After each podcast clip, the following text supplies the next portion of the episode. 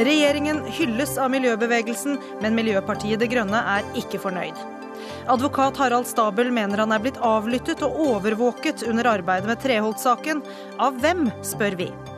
Det internasjonale fotballforbundet vurderer å boikotte Russland under fotball-VM til sommeren, mens Russland vil ha boikott av USA.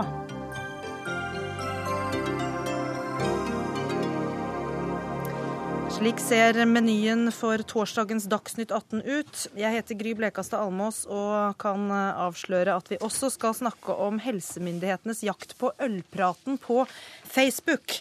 Men eh, før det klimadebatt. Eh, regjeringen vil bruke oljefondet til å investere i fornybar energi og bærekraftige bedrifter. Det kom fram på regjeringens klimakonferanse i dag, og det har ført til applaus fra eh, så å si en samlet miljøbevegelse. Rasmus Hansson, du er stortingsrepresentant for Miljøpartiet De Grønne. Hva syns du? Jeg syns det er et uh, flott tiltak. Uh, særlig hvis det blir stort og man ikke bare investerer i aksjer generelt, men man investerer i faktiske eh, prosjekter som produserer fornybare kilowattimer. Da blir dette et viktig Eh, første skritt på å bruke oljefondet som et klimapolitisk eh, virkemiddel, og det trenger Norge. Men så må det føyes til at det gjør ingenting med norsk klimapolitikk, og det må også gjøres. Ja, Og det mener du eh, ikke ligger eh, i det som er kommet fram på denne klimakonferansen i dag? Absolutt ikke. Eh, oljefondtiltaket skjer alle andre steder enn i Norge. Fint. Men eh, jobben hjemme er kjempediger og ugjort. Ja, Tine Sundtoft, du er klima- og miljøminister. Eh, sikkert uvant å få så mye skryt som du har eh, fått i dag, men vi hører her at det er ikke bare fryd og gammen. Nei, Det er hyggelig å få skryt fra miljøbevegelsen. Det viktigste vi fikk fram i dag, er at eh, det er en stor og samla jobb å få til et eh, lavutslippssamfunn i 2050. Men vi fikk fram gode eksempler på at grønn økonomi gir også noen muligheter. Da Sara McFie fra Storbrann sa at jeg tenker penger 24 timer i døgnet, syv døgn i uka. Og jeg tenker grønne investeringer, for jeg har tro på det. Så gir det en bekreftelse på at det nå gjør rundt Statens pensjonsfond utland. En gjør det ikke av veldedighet eller fordi en vil gjøre noe innenfor klima, men fordi en har tro på det markedet der. Det kom ganske tydelig fram i dag, og det syns jeg var bra. Men sier du også det, at eh, man ikke gjør dette for klimaets skyld, men for pengenes skyld? En gjør det for klimaets skyld og for pengenes skyld, og det at det nå er store muligheter i grønn økonomi, grønn vekst. Fikk mange gode innspill på klimadugnaden i dag fra næringslivet om hvordan de planlegger sine produkter for framtida. Fordi at dette grønne skiftet vil de være med på. Nå hører vi at det er andre utfordringer eh, også. Jeg vil bare ta litt mer om, om dette tiltaket med oljefondet. For jeg lurer på hvordan, eh, altså størrelsen på det, omfanget på det. Kan du si hvor stor del del av investeringene fra oljefondet som skal gå til grønne tiltak? da? Det kan jeg ikke gi noe svar på i dag. Det presenterer finansministeren 4.4. I dag presenterte statsministeren dette som en oppfølging av det som står i regjeringsplattformen. Detaljene kommer 4.4. Og Da kan vi jo sammenligne det med at eh, bare i år så kommer Norge med eh, hovedsakelig statlig finansiering til å investere omtrent 230 milliarder i ny oljevirksomhet. Eh, så det bør jo være bare startpunktet for hvor mye av de 5000 eh, oljefondmilliardene vi burde investere i fornybar internasjonalt. Ja, kan du si noe om det ligger på det nivået eller høyere eller lavere? Detaljene kommer 4.4. okay. Nå ble det presentert fra statsministeren da at vi har begynt med å følge opp det som står i regjeringsplattformen. Eh, du har altså gitt henne eh, betinget ros, kan vi vel si, for dette tiltaket i dag. Men da du var eh, her i dette studioet på tirsdag, så kom du med en helt annen karakteristikk av Tine Sundtoft. Kan du gjenta det i dag?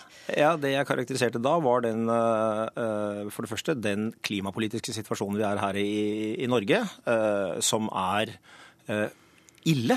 Men du Nordmenn, sa også noe om henne ja, som statsråd? Ja, ja, ja, men la meg bare ta utgangspunktet. er altså at Vi har eh, en klimafiasko i Norge.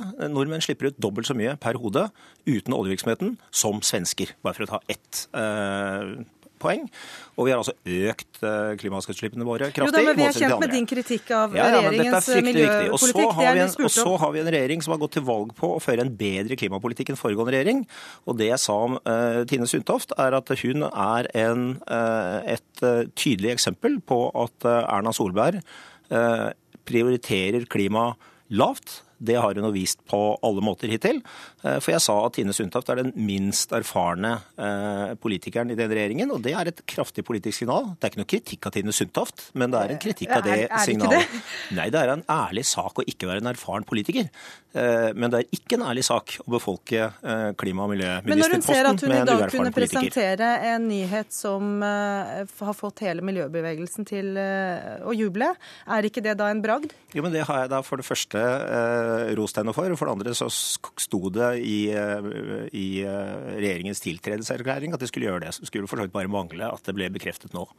Men de har, dere, eh, Tine Sundtoft, har jo også lovet da å, å være sterke på miljø. Men så er det mange som har etterlyst miljøsaken siden dere tiltrådte.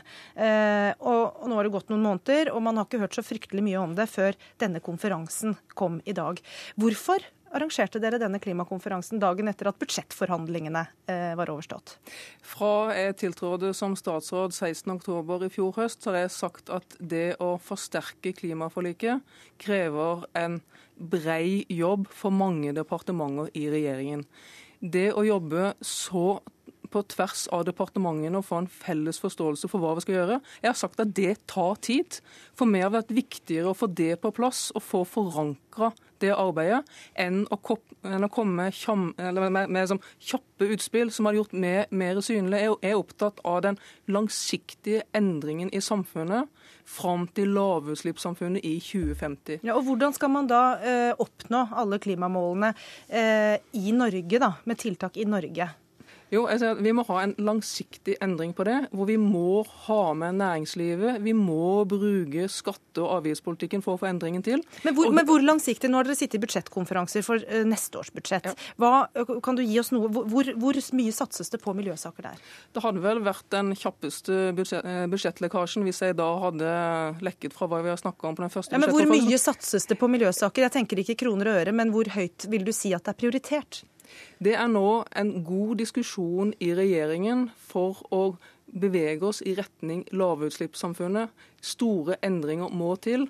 Vi sier altså at for å få de endringene til, så må det skje i statsbudsjettet. Så skjønner jeg at fra vi tiltrådte 16.10 i fjor, til vi presenterer statsbudsjettet 8.10 i år, så er det lang tid.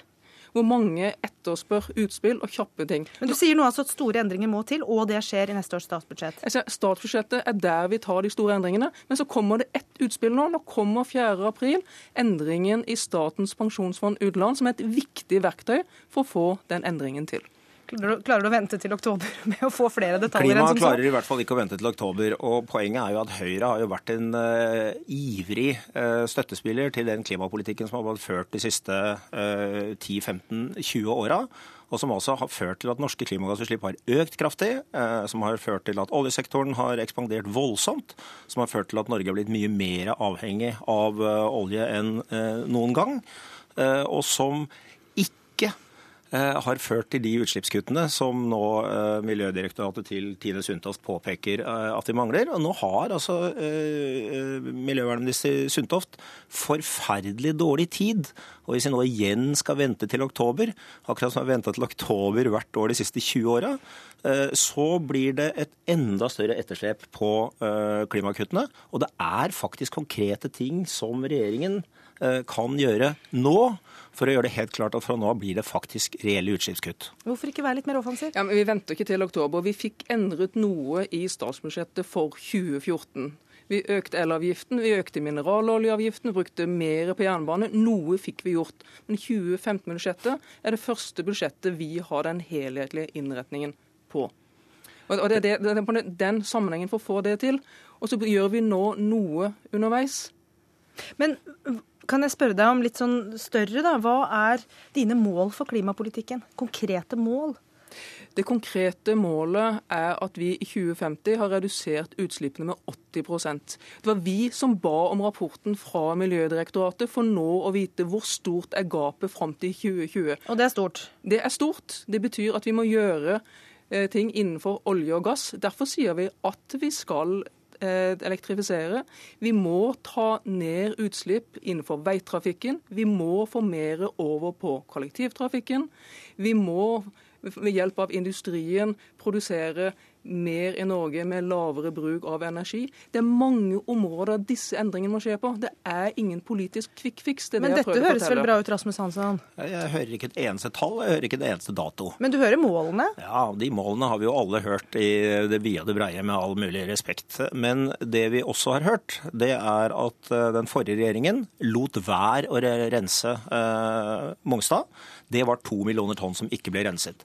Den nåværende regjeringen kan faktisk ganske enkelt beslutte at vi skal rense Mongstad. I forhold til oljeinvesteringene er det småpenger. Den nåværende regjeringen kan også beslutte her og nå at vi skal ha fullskala elektrifisering av denne Utsirahøyden. Ja, vi, vi rekker ikke så veldig mange punkter her nå. Det for er vi får- million tonn. Da får du svare på de to. Kan du, kan du love de to tingene nå? Vi jobber med å få elektrifisert uh, Utsirahøyden. Vi jobber med å få karbonfangst og -lagring. Alt dette har vi sagt vi skal gjøre, og vi gjør det. Men vi, det er ingen kvikke løsninger på dette. Vi skal endre samfunnet fram til 2050. Her tror jeg vi er enige om at det må til. Så har vi litt ulike virkemidler og verktøy for å få gjort den jobben. Og litt ulikt tempo, virker det som. Tusen takk skal eh, Tine Sundtoft og Rasmus eh, Hansson ha. Dagsnytt 18 alle hverdager klokka 18.00 på NRK P2 og NRK2. Skoleelevene skal heretter vurdere undervisningen. Regjeringen innfører ordningen fra høsten av, men ikke bare til begeistring. Det skal vi høre litt senere i sendingen. Velkommen hit, advokat Harald Stabel. Takk for det. Du forteller til Aftenposten i dag at kontoret ditt ble avlyttet mens eh, du arbeidet med gjenopptakelsessaken, Treholt-saken, eh, i 2010 og 2011. Hvordan kan du være så sikker på det? Jeg er ikke helt sikker på det, naturlig nok. Men eh, jeg fikk et tips fra en person i PST om at eh, kontoret mitt var avlyttet under eh, den siste behandlingen i gjenopptakelseskommisjonen i Treholt-saken fra 2010 til 2011. Men dette baserer seg ikke bare på et tips. Det gjør det ikke. For når jeg fikk det tipset, så eh, tok jeg det nærmest ikke alvorlig. Men jeg tenkte, når det også ble sagt fra kilden at eh, denne avlyttingen fortsatt kunne pågå, så tok jeg jo umiddelbart kontakt med en ekspert på datasikring, eh, av frykt for at tipset var riktig. Og hva fant dere ut da? Og da fant vi til slutt bak eh, noen bøker, Rettstidene, hvor det var samlet mye støv gjennom eh, årene, at det var avtrykk og, mm, av en sånn firkantet avtrykk som eksperten mente var en, en boks, elektronisk boks. Og på den andre siden, litt unna, så fant vi en tapebit klistret opp mot ryggen med et bitte lite hull i. Og den eksperten som eh, jeg leide inn, han mener at disse funnene er klart forenlig med romavlytting. Også plasseringen var optimal når det gjelder eh, hvor jeg sitter, hvor telefonen er og hvor klienter sitter. Men eh, du beskriver altså at dette er bak eh, bøkene i bokhylla di. Eh, og det er mye som kan ramle ned bak der og etterlate seg et sånt støvmerke som ikke nødvendigvis det er noe muffens med. Det er veldig lite som kan ramle bak der. For det første så bruker jeg ikke rettsstedene, har ikke gjort det på mange år fordi vi bruker lovdata. Og ting ville ikke kunne falle ned der eh, og sette dette merket. Hadde det falt ned ting eh, bak der, så hadde jeg jo sett den tingen eh, bak der når vi tok ut rettsstedene. Og det å sette en eh, på, på bakveggen der med et lite hull i, hvorfor i all verden skulle den teipen stå der, og hva med dette hullet? Som eksperten mente da var forenlig med at det kunne være en antenneledning. Men som du innledningsvis sa, så uh, mistenkte du ingenting før du fikk dette, dette tipset. Uh, hvordan kan du vite at vedkommende jobber i PST? Det er noe dere bare må, eller alle eh, som, eh, som hører og er engasjert i dette, må jo da stole på at jeg snakker sant. Men vet du det dette. helt sikkert selv, at vedkommende jobber i PST? Ja.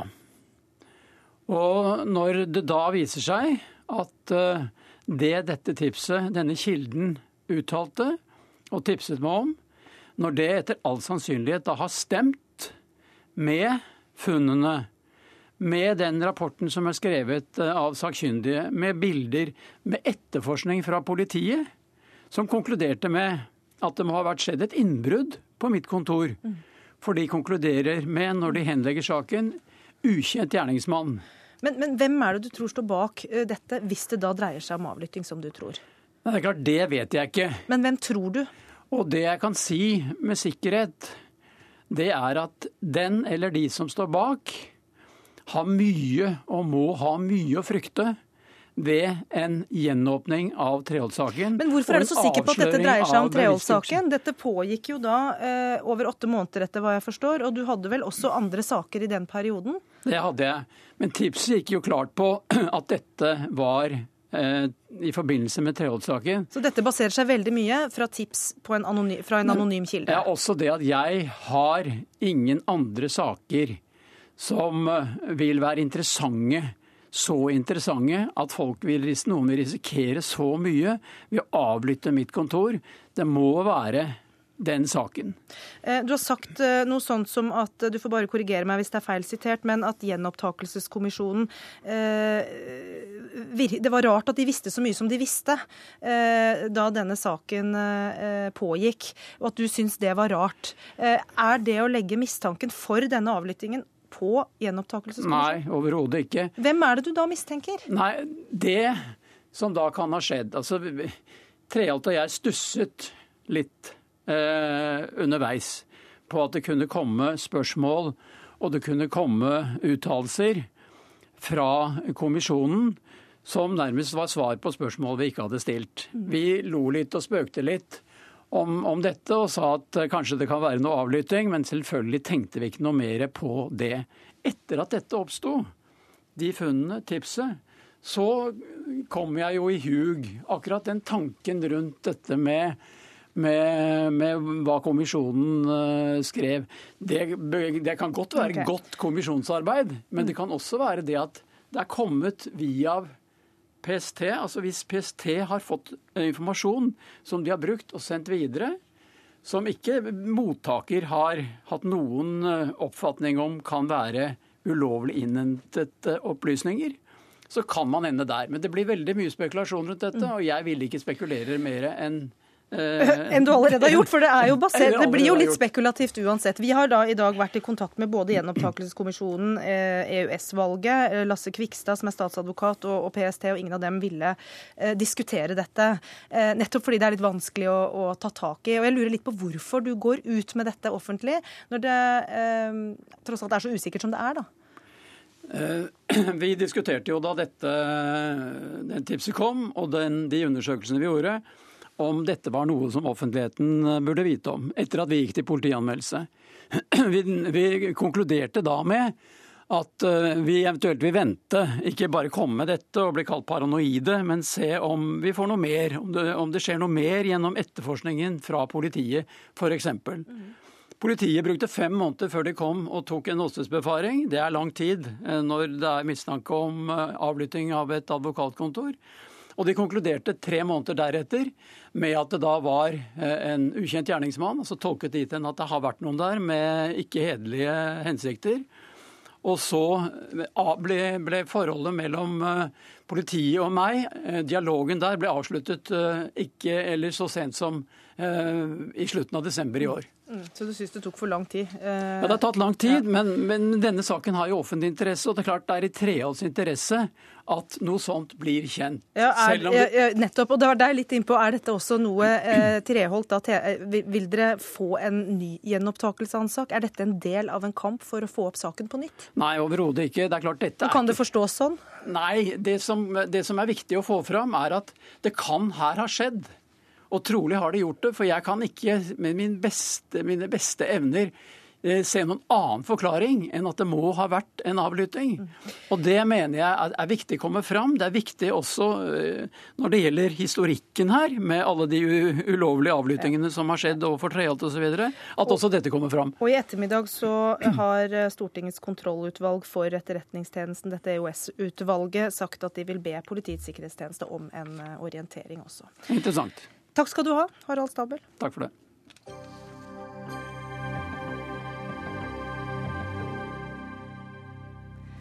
Elever i videregående skoler skal fra høsten av eh, evaluere undervisningen.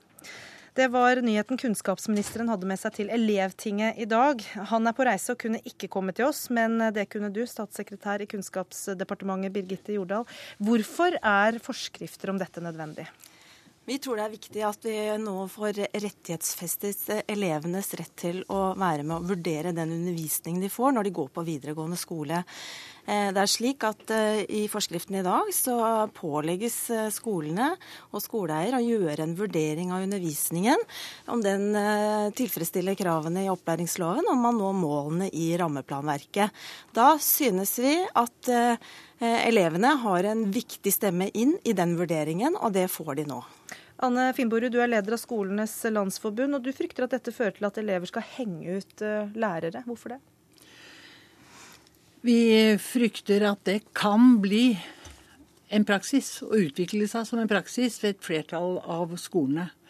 Og eh, jeg skjønner at det er litt vanskelig å få forklart hvorfor vi frykter det.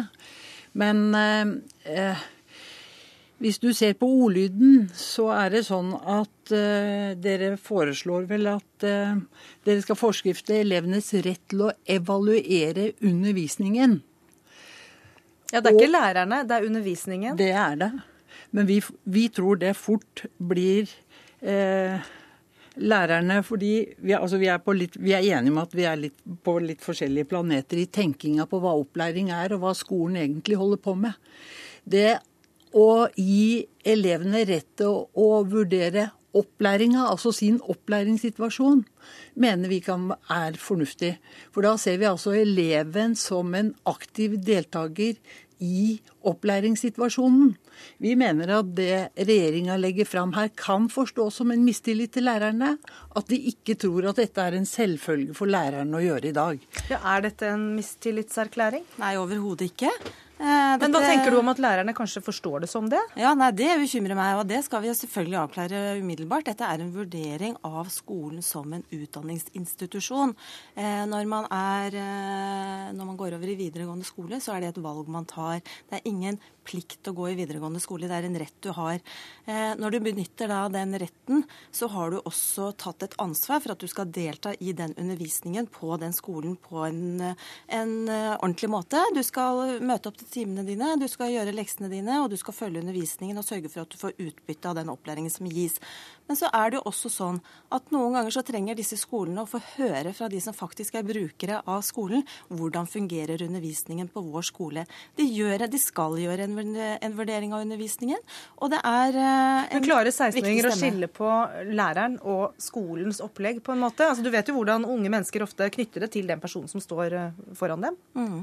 Og rettssikkerheten til læreren skal ivaretas, og derfor er vi veldig opptatt av at det, dette er prøvd ut i mange skoler i dag. Det er flere skoler som allerede har har et slikt vurderingssystem hvor elevene får lov å uttale seg.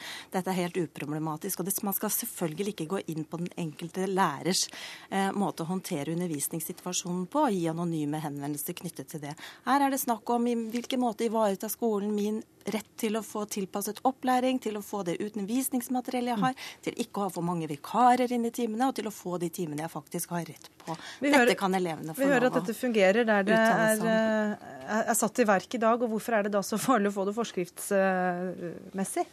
Enkelte steder fungerer det selvfølgelig godt, men det er jo avhengig av at partene er trygge på hverandre, og at de holder på med det samme og har den samme ledestjerna at det skal være god kvalitet i opplæringa, og at elevene skal være aktive i sin egen opplæringssituasjon. Og Det Skolenes landsforbund er bekymra for, er at regjeringa her tar initiativ til en ny paragraf i forskriften som er svært lik den som står der fra før. Så hva skal på en måte være maktbalansen mellom disse to?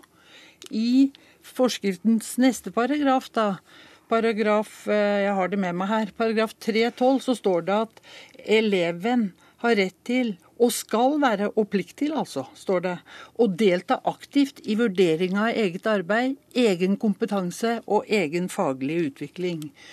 Og jeg kjenner ikke én lærer som ikke tar det som en selvfølge å la, ha en tett dialog med elevene om hvordan oppfatter du da det jeg har prøvd å lære i matte i dag? Og så får det Det er en selvfølge at lærerne at dette, har en tett dialog med elevene om opplæringssituasjonen. Så dette er overflødig, for det er allerede nok det som står? Ja, vi lurer på maktforholdet mellom disse to paragrafene, og vi lurer på motivet for å Altså, vi, praksis har vist at dette fort går skeivt, for vi har en god paragraf som fokuserer på elevens opplæringssituasjon, mens de nå vil snakke om undervisning igjen. Det er et gufs fra fortida. Undervisning, at elevene på en måte skal være passive og sitte og, og bli underholdt i undervisning, og så skal de etterpå få vurdere lærerens yteevne. Mens vi, det er ikke sånn skolen funker i dag. Gufs fra fortida? Ja, dette er jo en fullstendig misforståelse, eh, Finnborg. For vi er jo veldig enige, du og jeg, om at eleven i direkte kontakt med læreren skal få lov å drøfte og vurdere hvordan undervisningen og læringsutbyttet er i et én-til-én-forhold. Dette har med elevens vurdering, eller lærerens vurdering av eleven å gjøre, mm. og elevens tilbakemeldinger på egen praksis. Det lovverket skal ligge fast. Men så er det slik at skolene i dag, skolene som en utdanningsinstitusjon, institusjon i dag har en plikt på seg til å vurdere om organiseringen og undervisningen møter de målene som lovverket og rammeplanen viser.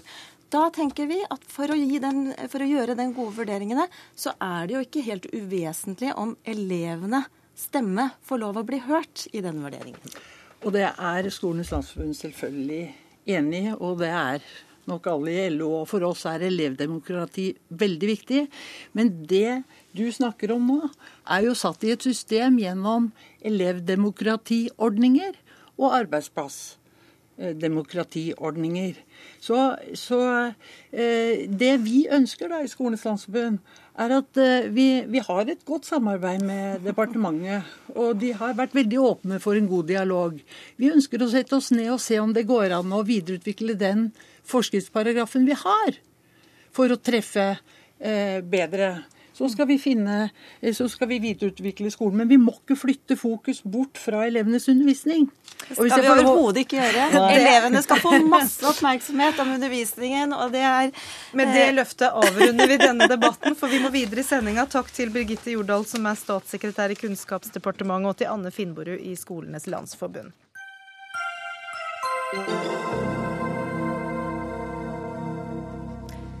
Forlag offentliggjør en liste over folk som ble stemplet som landssvikere etter andre verdenskrig, til tross for at de vet at lista inneholder feil. Mer om det i Dagsnytt 18 snart. Eh, men nå skal det handle om øl.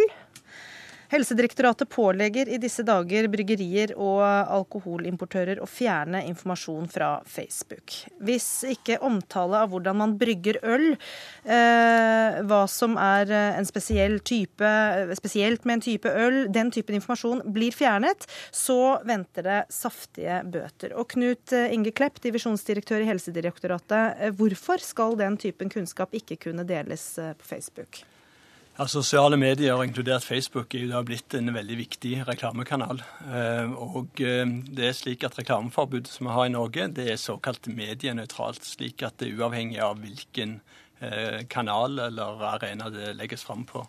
Og den type produktomtale, den tenken er, har som hensikt å øke omsetning. Så dersom det er knytta til produsent og ikke en form for redaksjonell omtale, så blir det faller inn under reklameforbudet. Men Kan du forklare meg den prinsipielle forskjellen på å snakke om vin i en vinklubb eh, og snakke om øl eh, i et samtaleforum som Facebook er? Altså, De eh, samtaleforumene er jo åpne. Vi går bare inn på nettsider som er åpne for eh, allmennheten, som en har tilgang til. Eh, så dette er noe som f.eks. 16-17-åringer lett kan få tilgang til. Og det er jo noe av det som er spesielt eh, bekymra for i forhold til sosiale medier, at det nettopp er en kanal som når de unge i stor grad. Og en av de viktige hensiktene med reklameforbudet er jo å ikke stimulere barn og unge til å nyte, alkohol. Men noen av, noe av den informasjonen som dere har reagert på nå, er jo eh, ting som beskriver helt spesielle eh, altså, Hvordan man brygger øl, f.eks., eller hva som er spesielt med den ølsorten som et lite mikrobryggeri lager, som kanskje har en historisk eh, sammenheng eller et eller annet spesielt og interessant ved seg, som ikke nødvendigvis er eh, en oppfordring til å drikke mer øl. Da. Nei, men likevel så kommer det inn i en kontekst hvor en tenker at hensikten med det er eh, å markedsføre produktet. Og Det er det som er intensjonen. Så det, Den loven vi har, den uh, definerer markedsføring eller reklame veldig vidt, slik at dette vil uh, defineres innenfor.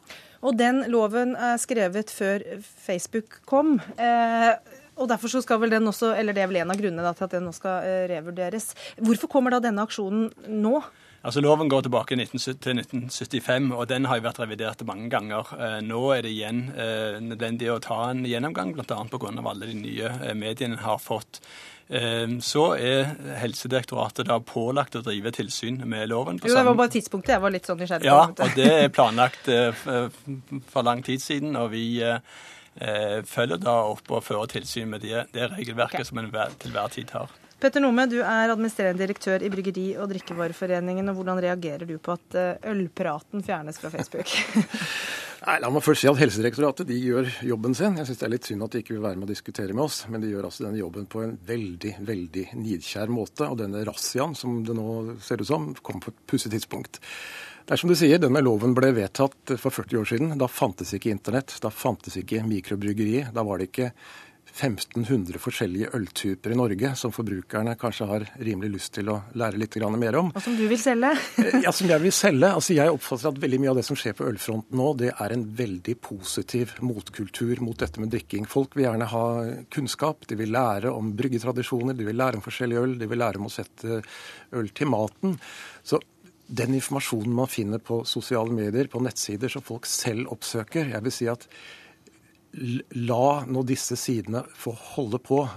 Dette er god alkoholpolitikk. Der fikk du eh, din reklamespott eh, i Dagsnytt 18. Det er riktig som du sier at Helsedirektoratet har bedt om å få slippe å diskutere det. De har nå orientert oss litt. Men Emil André Erstad, du er leder i KrFU, og du diskuterer gjerne dette. Eh, hva tenker du om det som skjer nå? Jeg tror jeg og Petter Nome har to litt ulike tanker i hodet når vi, når vi diskuterer dette. For meg er det de personene som sitter hjemme og, og som ser på VG-nett eller på som er innom Facebook, eh, som sliter med eller har problemer knyttet til alkohol, eh, eller som eh, Helsedirektoratet her påpeker, unge folk, barn og ungdom, som kan bli utsatt for reklame av alkohol.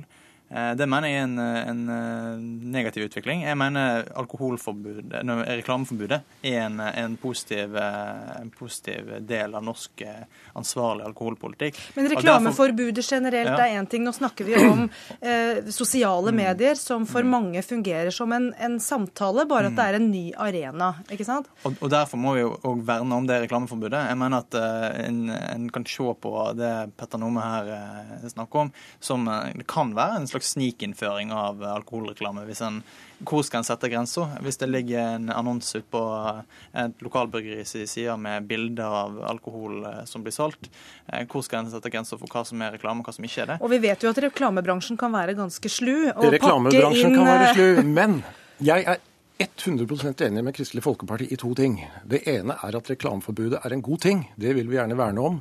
Og det andre er at vi ikke skal rokke ved hovedlinjene i norsk alkoholpolitikk. For den er nemlig på mange måter god. Men hvorfor Men, vil du da tillate at man uh, har store samtaler om øl i det offentlige rom, som Facebook jo tross alt er? har vi hørt Klepp forklare hvordan de tolker reklameforbudet. Men hvorfor forsvarer du den praksisen? da? Fordi dette er ikke reklame. Altså Det de nå har slått ned på Men hvem definerer hva reklame er? Altså, de, de definerer jo absolutt all omtale som reklame. La meg si hva de har slått ned på, så forstår folk dette litt bedre. Ja. Altså Vinmonopolet de har tillatelse til å legge ut adresse, Google-kart, åpningstider, vareutvalg og lagerbeholdning på sine nettsider. Et lite mikrobryggeri på Lesja får ikke lov å fortelle at ølet selges på Lesja samvirkelag. Vinmonopolet, Nei, Vinmonopolet har omtale av nesten 15 000 typer sterkøl, vin og brennevin på sine nettsider. Norske bryggerier får ikke lov til å beskrive den svakeste norske alkoholvarianten i landet, nemlig butikkøl. Og I tillegg har de da fått uh, påpakning ikke for reklame, men for å legge ut linker til redaksjonelle nyheter på nrk.no, VG-nett osv. Ja, det er ikke reklame, men det er snakk om blir, blir det ikke veldig sånn forskjellsbehandling her da? Altså, En sammenligner det jo med privatpersoner som legger ut eh, sine anbefalinger på Facebook og på Twitter eller uh, sosiale medier. Nå sammenligner han med eh, Vinmonopolet, ja. hva de er til, ja, som er tillatt for men, dem. Men disse, disse, kommersielle aktørene, da, når de legger ut sånne anbefalinger, så er det veldig vanskelig å sette grenser for hva som er alkoholreklame. Og det, da blir det en vanskelig balansegang opp mot det reklameforbudet vi har. og for at det ikke skal utvatnes, så mener jeg det, det eh, vanskelig å si ja til, til det Petter Numme her eh, tar til orde for. Men eh, altså, all reklame, altså uansett omtale eller reklame, er jo det er jo ett mål. Reklame er til for å selge mer. Eh, og både jeg og Petter Nome er enige om at, eh, at, alkoholforbruket i Norge det er høyt nok. Vi trenger ikke et høyere alkoholforbruk, håper jeg iallfall. Men, men, eh, og da, og da men, men, bare for å ta, Du sitter jo som i KrFU, da, og ja. KrF er støtteparti til den regjeringen som nå vil gjennomgå lovverket her. Og Hva håper du at den gjennomgangen fører til? Altså selvfølgelig, Jeg kan være med og diskutere i enkelte gråsoner at vi kan uh, gjøre noen små praktiske justeringer, men hvis det vil være en, uh, en snikinnføring av uh, alkoholreklame, så er jeg veldig negativ til det. Hva kan en sånn gråsone være, da? Nei, altså no, Noe av det Petter Nomme diskuterer her og drar opp, jo, kan jo være i noen av de gråsonene. Men jeg mener likevel at, at vi må ha bremsen på. fordi hvor vi setter grenser er veldig avgjørende for om vi da oppmyke eller altså, uthule det eh, reklameforbudet vi har i dag? Jeg syns ikke dette er vanskelig i det hele tatt. Altså, Grensen går jo ved betalt reklame. Folk skal slippe å få reklame for alkohol dumpende ned på nettsidene, i avisene sine osv. sånt noe litt komisk å si det, for vi vet jo at verdens største bryggerier tapetserer stuene under verdenscupen i skiskyting, under store fotballmesterskap. Det er liksom greit, mens dette er ikke greit. Men du, du innledet med å si at du var eh, opptatt av at vi skal beholde den alkoholpolitikken vi har i Norge. Sånn ja, det... Så det jeg sier, bevar forbudet mot betalt reklame. men Internett er på en måte et lovløst område. Det er hundretusener av nettsider om alkohol der. Det eneste som ikke er omtalt, er det svakeste norske ølet. Jeg kan ikke skjønne annet at Men er det et problem å la det være, da? Det er et problem. For det første, det finnes mange mange hundre forskjellige øl på det norske markedet. Det er klart at Forbrukerne har et rimelig krav på å få vite hvordan smaker dette, hva passer det til, Jo, men det kan de få muntlig kanskje ved å oppsøke disse bryggeriene? Nei, de kan ikke det. Ja, De kan stelle seg på døra, men altså, det er jo på en måte nettet vi snakker om her. Så... Erstad skal få siste ordet nå. Ja, jeg synes eh, Du stiller et godt spørsmål. Når, altså, Må vi gjøre det? Eh, spørsmålet er om det er tvingende nødvendig. og Når vi til og med har fått Frp i regjering med på høyere alkoholavgifter, eh, så viser det at norsk alkoholpolitikk er på riktig vei, og da håper jeg at vi, ja, vi blir enige om det. Det sa Emil André Erstad, som er leder i KrFU. Og deg kan vi se igjen på Debatten i, eh, på NRK1 klokka halv ti i kveld. Og da skal du snakke om uh, moderne familiepolitikk. Ja. Uh, så det kan vi glede oss til. Takk også til Petter Nome og Knut Inge Klepp. Hør Dagsnytt 18 når du vil. Radio NRK Radio.nrk.no.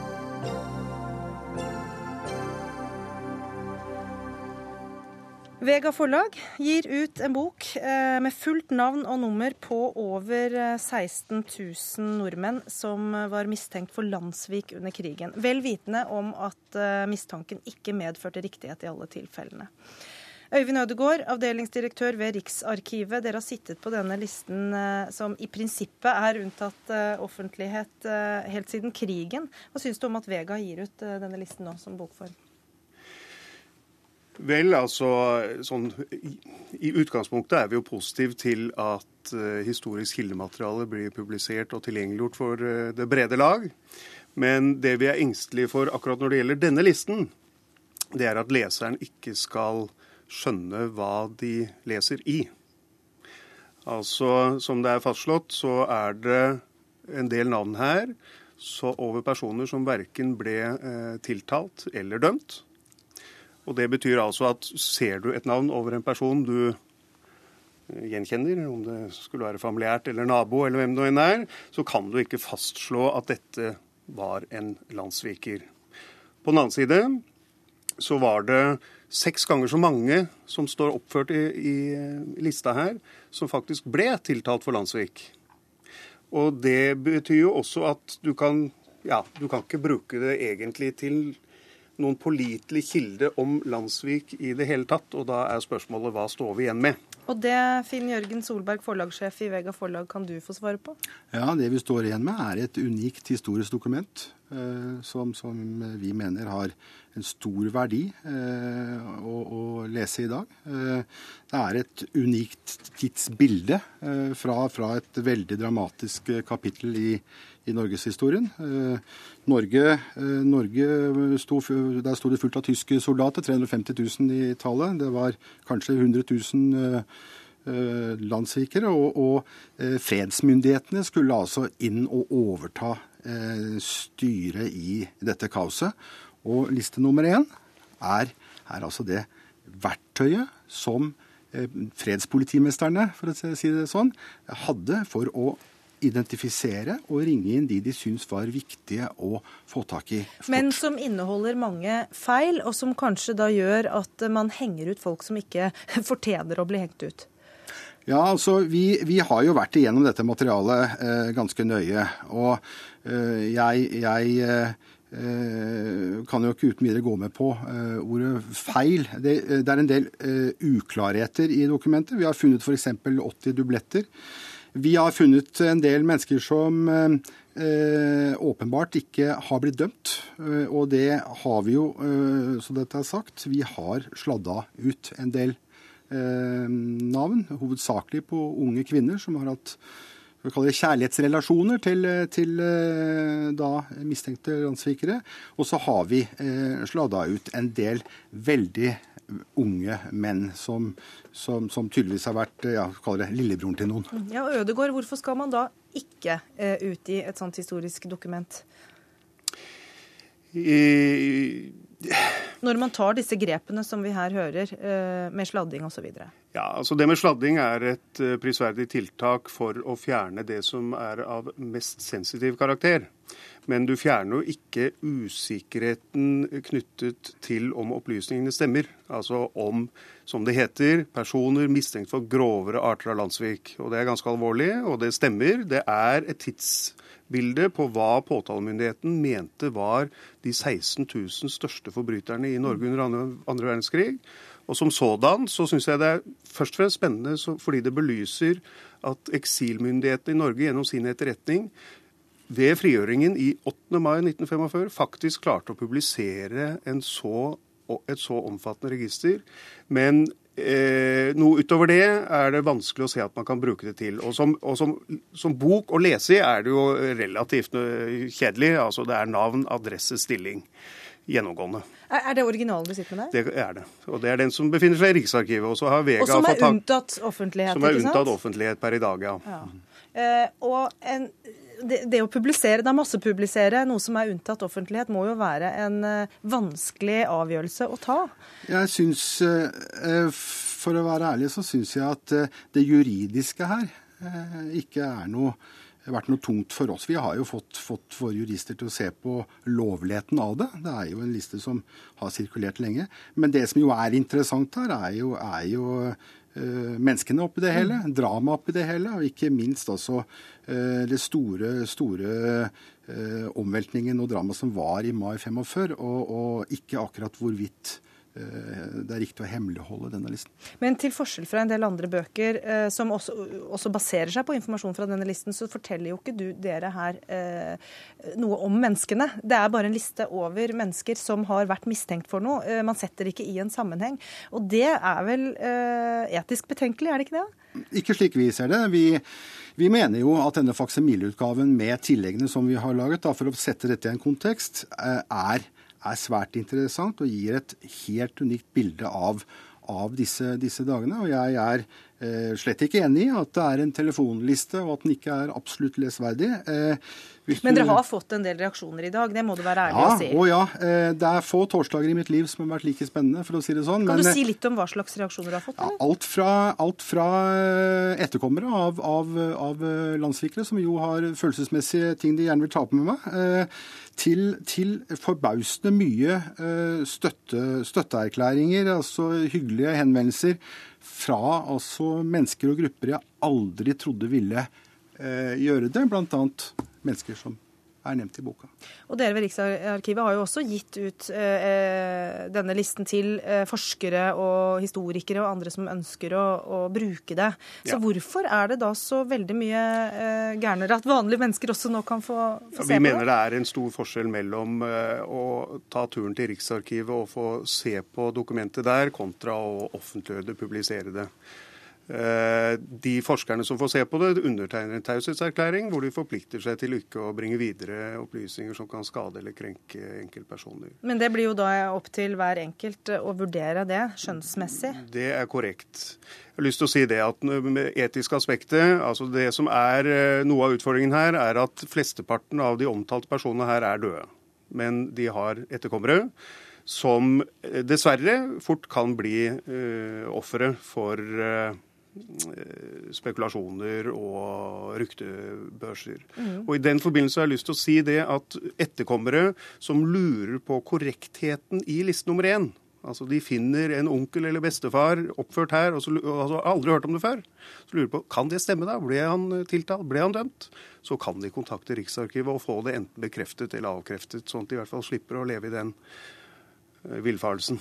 Ja, Solberg, har dere eh, blitt litt for frista til eh, å tjene gode penger på en bok som det kanskje er interesse for, men som egentlig appellerer mest til den der kikkermentaliteten i oss? Jeg eh, håper jo at eh, den diskusjonen vi har brakt til torgs, kan heve seg over en diskusjon om kikkermentalitet eller ikke. Og nå er det jo engang sånn i et forlag at, eh, at noe, noe selger, og noe selger dårlig. og Eh, det er vel neppe det store motivet. Eh, altså Penger er ikke det store motivet. Nei, det gjenstår å se hvor godt han selger òg.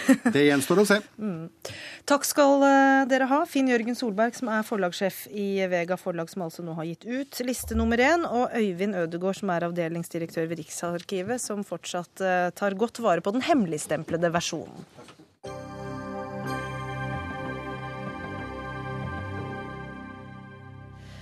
Den kalde krigen har entret fotballbanen. Det er USA mot Russland i kampen om Ukraina, og fotball-VM er arenaen.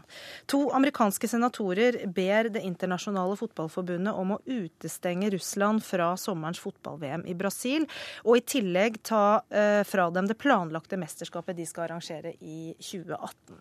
Vi skal først til Gro Holm, USA-korrespondent. Eh, hvorfor ønsker disse to en boikott av Russland? Ja, De argumenterer langs eh, to linjer. Senatorene viser til eh, Fifas statutter som åpner for å suspendere eller ekskludere land som diskriminerer andre land, individer eller grupper, med utgangspunkt i etnisk tilhørighet, kjønn, religion eller politikk. Og disse senatorene mener altså at Russland har opptrådt på en måte som kan defineres som politisk og etnisk diskriminerende. For det andre så viser de til historisk presedens. Jugoslavia ble nemlig utestengt fra Europamesterskapet i fotball i 1992. og fra verdensmesterskapet i 1994 som følge av krigen mot bosniere og kroater. Og Denne gangen er det altså Ukraina eh, som provoserer, eller da Russlands håndtering av krisen eh, i Ukraina. Eh, hva kan du si om disse to senatorene? Hvem er de? Ja, Begge er republikanere, godt voksne, og de har lang erfaring fra begge kamrene i Kongressen. Mark Kirk er valgt inn som senator fra Illinois, og blir beskrevet som konservativ når det gjelder økonomisk politikk, men liberal i sosialpolitikken. Dan Coates representerer Indiana. Han eh, en har en sammensatt politisk profil. Han har vært både for og mot strengere våpenlover, han er eh, abortmotstander, og han har innimellom kongressperiodene drevet lobbyvirksomhet for industri som ville registrere seg utenlands for å slippe skatt. Men utenrikspolitisk så var han mot eh, president Clintons angrep mot mistenkte terrormål i Sudan og Afghanistan i, i 1998. Så dette er en sammensatt eh, person politisk sett. Mm. Og så er det jo eh, spekulasjoner om eh, andre mulige sanksjoner mot Russland fra amerikanernes side. Hvordan fører dette seg inn i den rekken? Det ligger vel kanskje litt på siden av eh, det som har vært diskutert i Kongressen og eh, som har ligget på presidentens bord. Det dreier seg jo mer om eh, visumnekt for navngitte personer. eller vil si, Vi vet ikke hvilke de navnene er, men det finnes en liste. Det er innført. Man vurderer også straffetiltak til å fryse penger og verdipapirer de måtte ha i amerikanske finansinstitusjoner.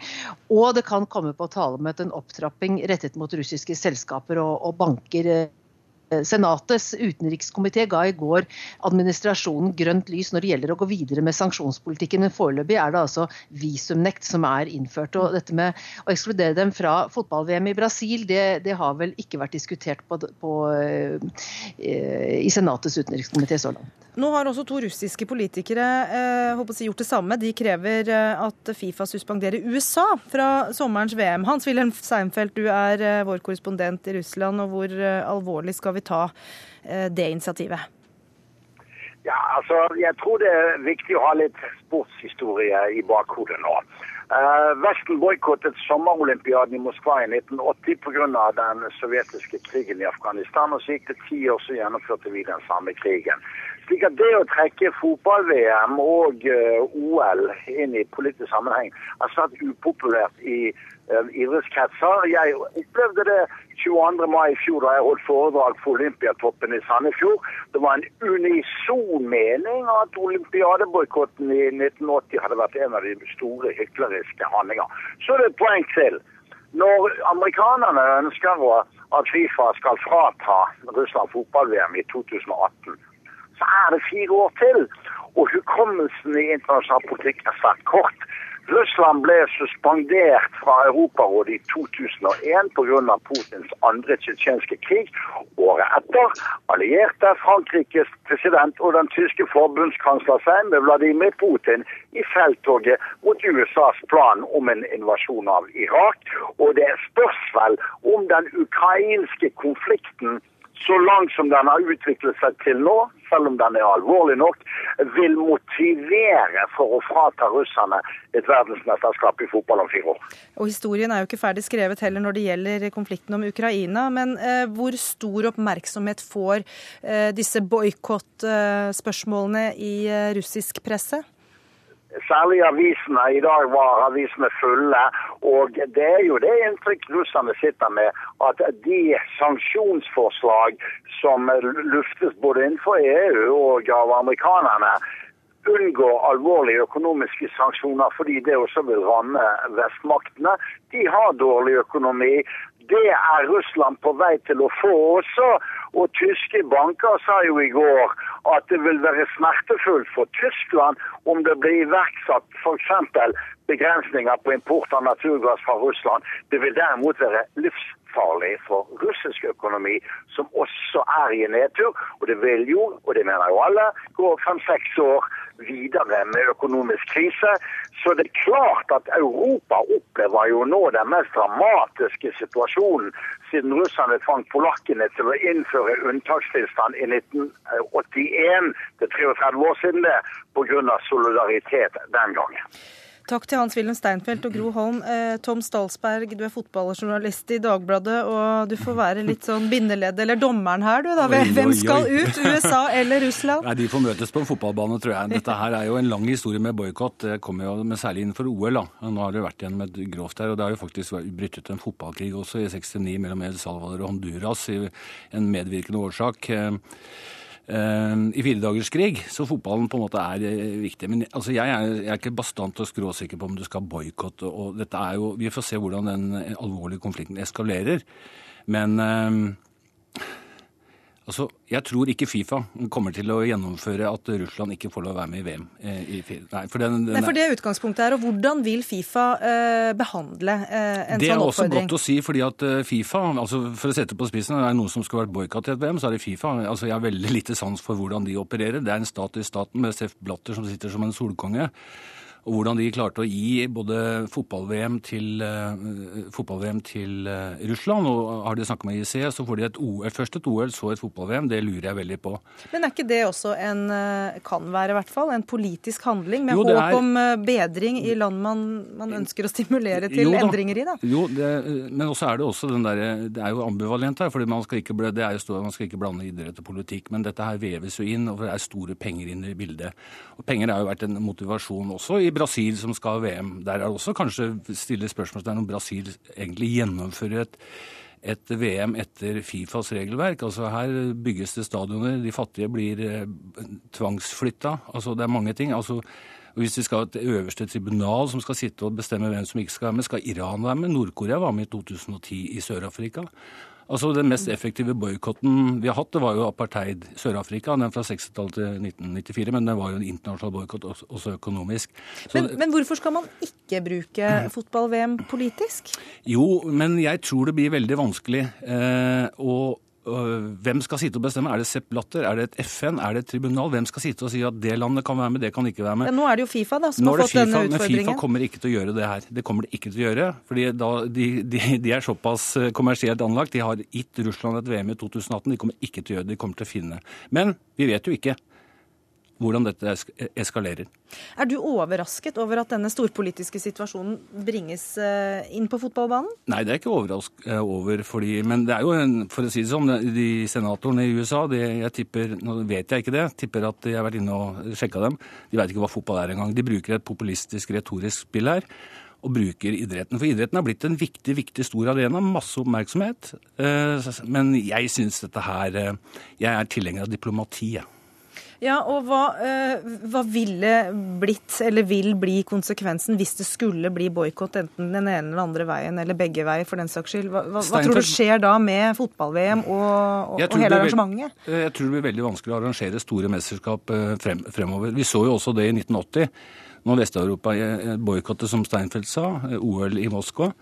I 84 i Los Angeles så var det motboikott av Russland og de fleste østeuropeiske stater, men der var Kina med.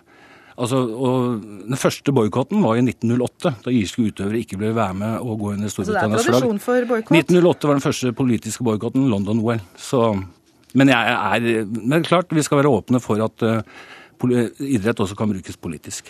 Sa Tom Stalsberg, som er fotballjournalist i Dagbladet. Takk skal du ha.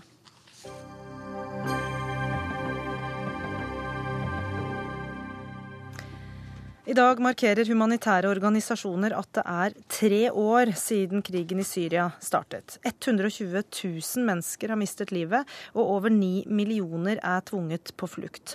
Og om noen veldig få minutter eh, så tennes det lys for å vise støtte til de rammede.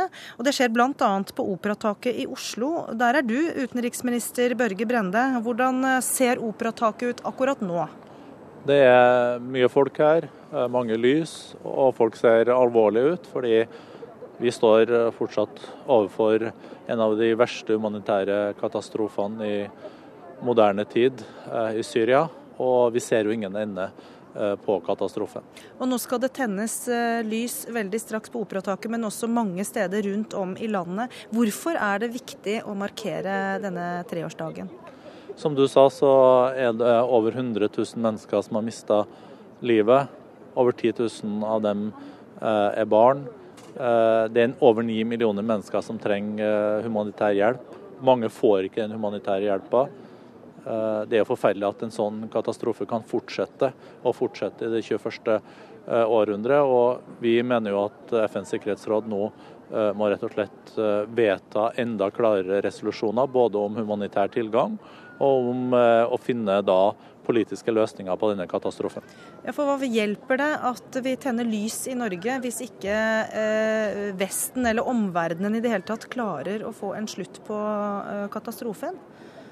Det blir iallfall ikke noe bedre av at eh, vi glemmer katastrofen. Eh, vi må minne oss sjøl på denne katastrofen hver dag. Eh, minne oss om de barna som lider, de barna som ikke får skolegang, de barna som ikke får medisiner og det politiske trykket må holdes oppe. Men det er selvsagt eh, vanskelig når faste medlemmer av Sikkerhetsrådet nedlegger veto eh, mot eh, enhver politisk løsning. Og de nedlegger veto mot at Assad skal skiftes ut, at det skal da dannes en ny regjering som favner alle gruppene, og som kan da bidra til at man vender over til et nytt kapittel i Syrias historie. Du sier det er vanskelig. Vil du si det er umulig? Nei. Det er det ikke. Men eh, det er klart at eh, det er nå eh, avhengig av at også nabolandene og andre som da faktisk da bidrar til denne krigen, slutter med å bidra med våpen. Da får du ta fram eh, fyrstikkene, utenriksminister Børge Brende. Tusen takk for at du var med i Dagsnytt 18. Det blir mer om situasjonen i Syria tre år etter at urolighetene startet i Dagsnytt 18 i morgen. Flyktninghjelpens Jan Egeland eh, blant andre kommer til oss da. Denne sendingen er slutt. Ansvarlig for sendingen var Dag Dørum, teknisk eh, ansvarlig Hanne Lunås og i studio Gry Blekastad Almås. Takk for i dag.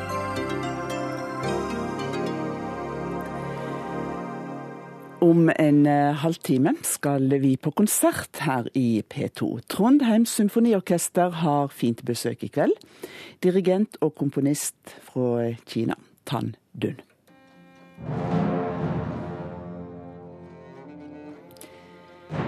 Dette er eh, filmmusikk fra Hero. Konsert for fiolin og orkester. Med altså eh, Tan Dun og Trondheim Symfoniorkester. Velkommen om en halv time. Mediemagasinet Kurer klokka 21.30. Der skal vi høre om en høyt respektert og profilert polititjenestemann som eh, er blitt sikta for grå korrupsjon i tjenester.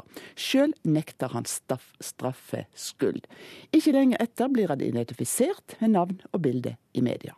Er det forsvarlig og eh, riktig å identifisere? Dette er tema i Kurer i kveld klokka 21.30.